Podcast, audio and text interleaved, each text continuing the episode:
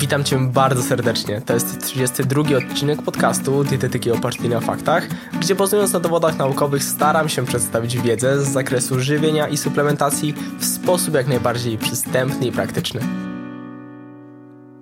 Nabiał należy do takiej grupy produktów spożywczych, wokół których istnieje naprawdę mnóstwo kontrowersji, mitów, półprawd czy fałszywych przekonań.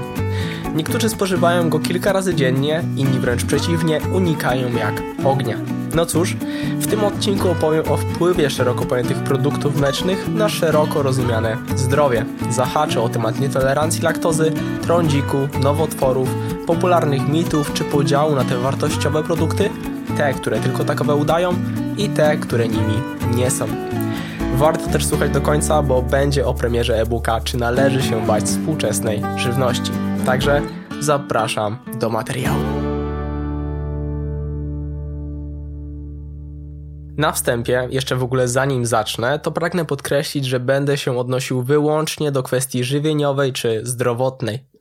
Należy bowiem oddzielić kwestie światopoglądowe, etyczne, środowiskowe itd. Tak od żywieniowych. Nie będę więc mówił o traktowaniu krów podczas produkcji mleka, czy odnosił się do argumentów typu żadne dorosłe zwierzę oprócz człowieka nie spożywa mleka, a tym bardziej mleka innych zwierząt. Nie należy tych płaszczyzn po prostu ze sobą mieszać. Rozumiem, gdy ktoś rezygnuje z produktów mlecznych właśnie ze względów światopoglądowych i do tego odnosić się nie będę, skupię się wyłącznie na wpływie spożycia nabiału na zdrowie. I jeszcze jedno, wiem, że kwestią sporną jest zaliczanie jajek do nabiału. W tym podcaście jednak jaj do nabiału po prostu zaliczać nie będę, bo to osobny, obszerny temat. Skupię się natomiast tylko na produktach mlecznych. No dobrze, mm, zacznę od laktozy. Laktoza jest cukrem, a dokładniej dwucukrem, który występuje przede wszystkim w niektórych produktach mlecznych, np. mleku krowim, ale też np. mleku kobiecym. Tak jak wspomniałem, jest dwucukrem i składa się z glukozy i galaktozy, które są ze sobą związane. Po spożyciu, chcąc ją strawić, konieczne jest rozerwanie tego wiązania. Potrzebny do tego jest konkretny enzym, o podobnie zresztą brzmiącej nazwie, a mianowicie laktaza. U człowieka aktywność tego enzymu jest ewolucyjnie potrzebna na samym początku życia. W końcu noworodki muszą strawić mleko matki. Później natomiast, po zakończeniu okresu karmienia piersią, jego aktywność zanika z wiekiem. Gdy aktywność laktazy jest zbyt niska, by pozwolić na strawienie większych ilości laktozy, mówi się o nietolerancji laktozy lub też hipolaktazji. Jeżeli taki stan występuje, to część laktozy nie zostaje strawiona. Nie może w takiej sytuacji przejść przez ścianę jelita do naczyń krwionośnych. Pozostając w jelitach, zatrzymuje wodę i prowadzi do nieprzyjemnych dolegliwości ze strony układu pokarmowego. Tak to w skrócie wygląda. Objawy pojawiają się najczęściej od pół godziny do dwóch godzin po zjedzeniu produktu zawierającego laktozę. Przeważnie obserwuje się wówczas ból brzucha, biegunki, wzdęcia, a im więcej produktów z laktozą zostało spożytych, tym bardziej nasilone objawy. Okazuje się jednak, że nie wszyscy dorośli ludzie mają nietolerancję laktozy. A właściwie, odnosząc się do naszego kraju, większość dorosłych Polaków nie ma hipolaktazji i znajduje to swoje historyczne wyjaśnienie. Otóż mniej więcej 11 tysięcy lat temu, w okresie rewolucji neolitycznej, kiedy rolnictwo, hodowla i osiadły tryb życia zaczął zastępować zbieranie jadalnych roślin, polowania czy ogólnie koczownictwo, na Bliskim Wschodzie hodowcy bydła, niekoniecznie do końca świadomie, zapewne, mm, nauczyli się jak obniżyć ilość laktozy w produktach mlecznych do tolerowanego poziomu. Mieli w końcu jej nietolerancję i po spożyciu mleka także doświadczali nieprzyjemnych dolegliwości. Wykorzystując jednak fermentację mleka, produkowali sery czy różnego rodzaju jogurty. Mniej więcej 3,5 tysiąca lat później w Europie rozprzestrzeniła się mutacja genetyczna, która dała ludziom możliwość produkcji większej ilości laktazy przez całe życie. Obecnie około 35% populacji ludzkiej może trawić laktozę w wieku powyżej 7-8 lat. To jednak średnie dla całego globu. Istnieje bardzo duża zmienność pod względem terenu, co dość logiczne zważywszy gdzie mutacja się rozprzestrzeniła. I tak przykładowo na północy Europy odsetek osób z nietolerancją laktozy jest bardzo mały. Nawet 95% ludzi w tym miejscu radzi sobie bezproblemowo z konsumpcją produktów mlecznych. Ogólnie większość Europejczyków i mieszkańców Ameryki Północnej nie ma nietolerancji laktozy. Tymczasem u ludzi zamieszkujących tereny Afryki czy Ameryki Południowej już hipolaktazję obserwuje się bardzo często. Także większość z nas nietolerancji laktozy nie ma, lecz oczywiście są osoby, które z takim problemem się borykają. XXI wiek jednak daje nam mnóstwo możliwości i właściwie aktualnie to nie jest taki duży problem. Po pierwsze, hipolaktazja to niedobór laktazy, nie jej kompletny brak. To trzeba wiedzieć. Większość osób z nietolerancją laktozy może więc bez problemu zjeść nawet kilkanaście gramów laktozy, co odpowiada mniej więcej na przykład szklance mleka. Ponadto wiele produktów mlecznych praktycznie nie ma laktozy, przykładowo długo dojrzewające sery. Obecnie jest również wysyp produktów mlecznych bez laktozy, więc u takich osób można korzystać na przykład z mleka bez laktozy. Oprócz nietolerancji laktozy pragnę jeszcze wspomnieć o alergii na białka mleka. Alergia, a nietolerancja to zupełnie co innego. Nie wszyscy są tego świadomi, więc uczulam. Alergia na białka mleka jest to problem, który dotyczy głównie wieku niemowlęcego i wczesnego dzieciństwa, ponieważ zwykle się z niego wyrasta. Do objawów alergii zalicza się objawy skórne, objawy ze strony układu pokarmowego i układu oddechowego. W skrajnych przypadkach może dojść nawet do wstrząsu anafilaktycznego. Częstość występowania takiej alergii u dzieci żyjących w krajach rozwiniętych szacuje się na około 2-3%. W takim przypadku należy bezwzględnie wykluczyć mleko i jego przetwory. Tu już zawartość laktozy nie ma znaczenia. No dobrze, mm, ale jak ogólnie spożycie nabiału wpływa na szeroko pojęte zdrowie? Otóż trzeba tu omówić wiele płaszczyzn. Po pierwsze, kości, czy też może ogólnie od razu ryzyko osteoporozy, czyli choroby metabolicznej kości charakteryzującej się postępującym ubytkiem masy kostnej. Mm, istnieją silne dowody wskazujące, że konsumpcja mleka, czy też produktów mlecznych zmniejsza ryzyko osteoporozy i ogólnie stanu niskiej gęstości mineralnej kości, co wynika głównie z obecności wapnia. Produkty mleczne są bowiem świetnym źródłem tego pierwiastka. Przykładowo, długo dojrzewające sery, tak jak parmezan, mogą zawierać nawet niecałe 1400 mg wspomnianego związku na 100 gramów. Zwykła Gouda ma go około 700 mg, też na 100 gramów. Hmm, przypomnę natomiast, że rekomendowane dzienne spożycie na wap dla dorosłego człowieka wynosi 1000 mg na dobę. Okazuje się, iż produkty mleczne przyczyniają się do spożycia około 45 do 70% wapnia w diecie, a więc to bardzo dużo. W świetle niektórych danych, dorosłe kobiety, które nie spożywają produktów mlecznych, zaspokajają mniej niż 50% zalecanego spożycia na wapń. Długotrwałe praktykowanie tak niedoborowego systemu żywienia może wiązać się z konsekwencjami zdrowotnymi, jak zmniejszona gęstość mineralna kości czy zwiększone ryzyko osteoporozy. Także przy eliminacji nabiału trzeba zwracać uwagę na odpowiednią podaż wapnia, korzystając przykładowo z produktów fortyfikowanych, np. mleka roślinnego czy tofu wzbogaconego w wapń. Dobrze również znać roślinne źródła wapnia. Wpływ spożycia produktów mlecznych na zdrowie nie kończy się jednak na szkielecie.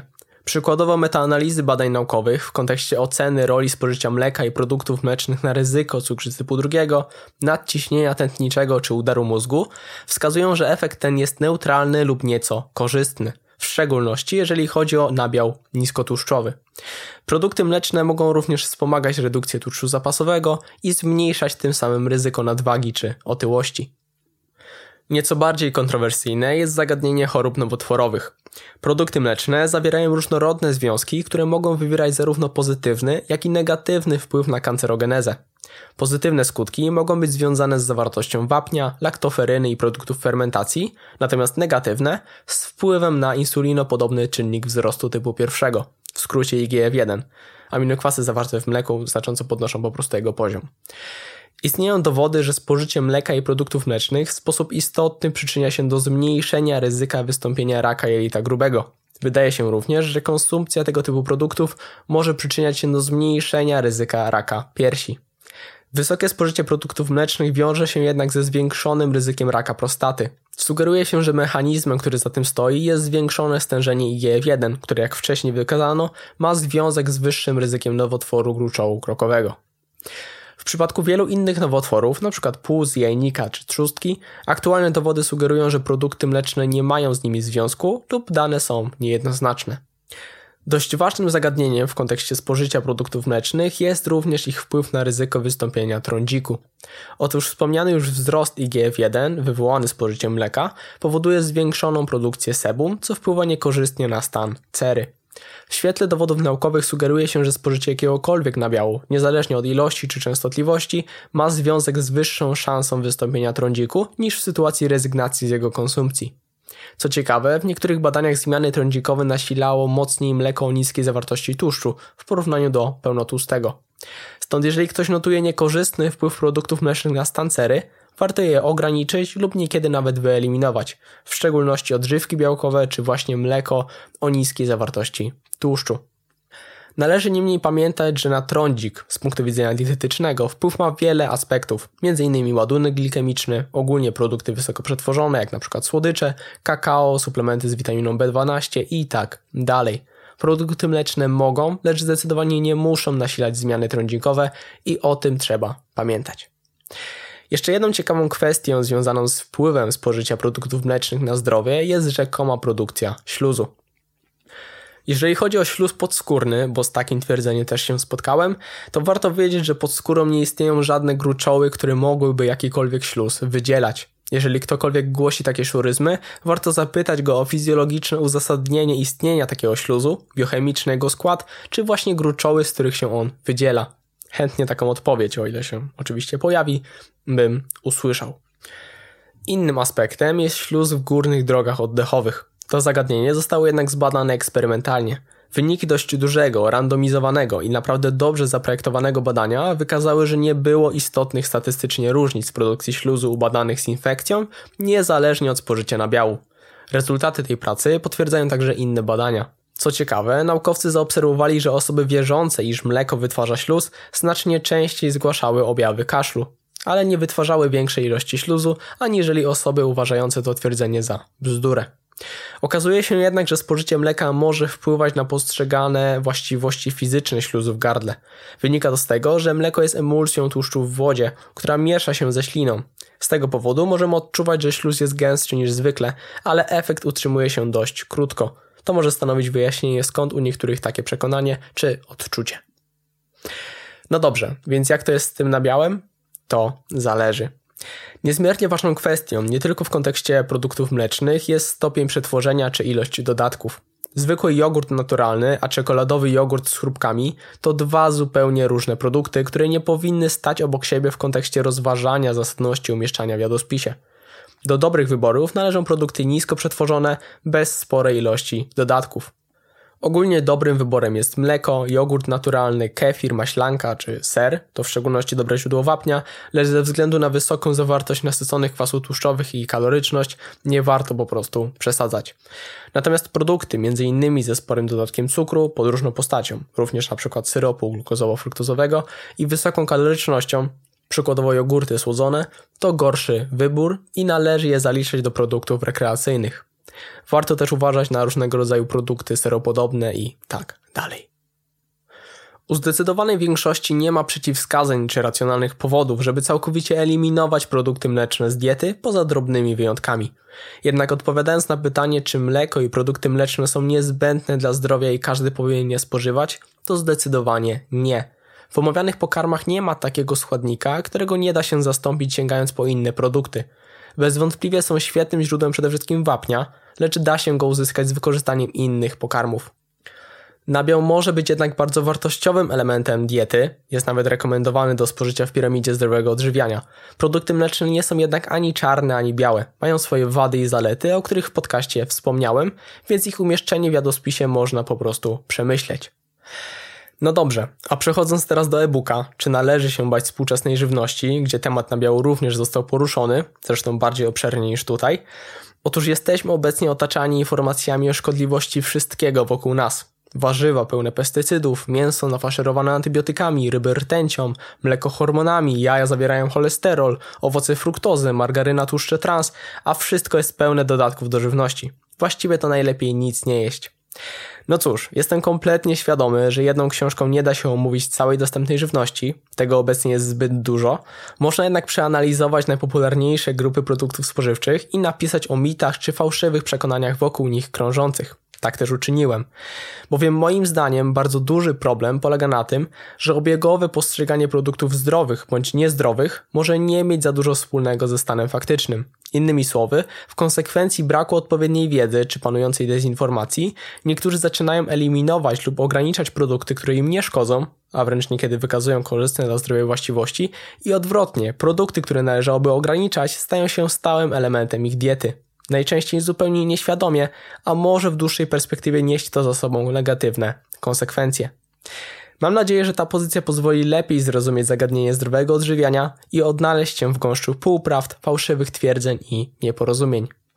E-booka można znaleźć pod adresem www.dietetykoopartanafaktach.pl ukośnik e-book. Zostawię również link w opisie tego odcinka. Dla najbardziej wytrwałych, którzy przesłuchali ten odcinek do końca, zostawiam również kod rabatowy o nazwie podcast. Wpisując więc w koszyku kod podcast pisany przez C, można zgarnąć e-booka w niższej cenie. Tymczasem ja się żegnam. Mam nadzieję, że ten podcast był dla Ciebie wartościowy. Jeżeli tak, daj mi proszę o tym znać, udostępnij, oceń podcast czy zostaw łapkę w górę. To pozwoli na dotarcie audycji do szerszej grupy osób. Dziękuję i do zobaczenia, do usłyszenia już niebawem. Hej!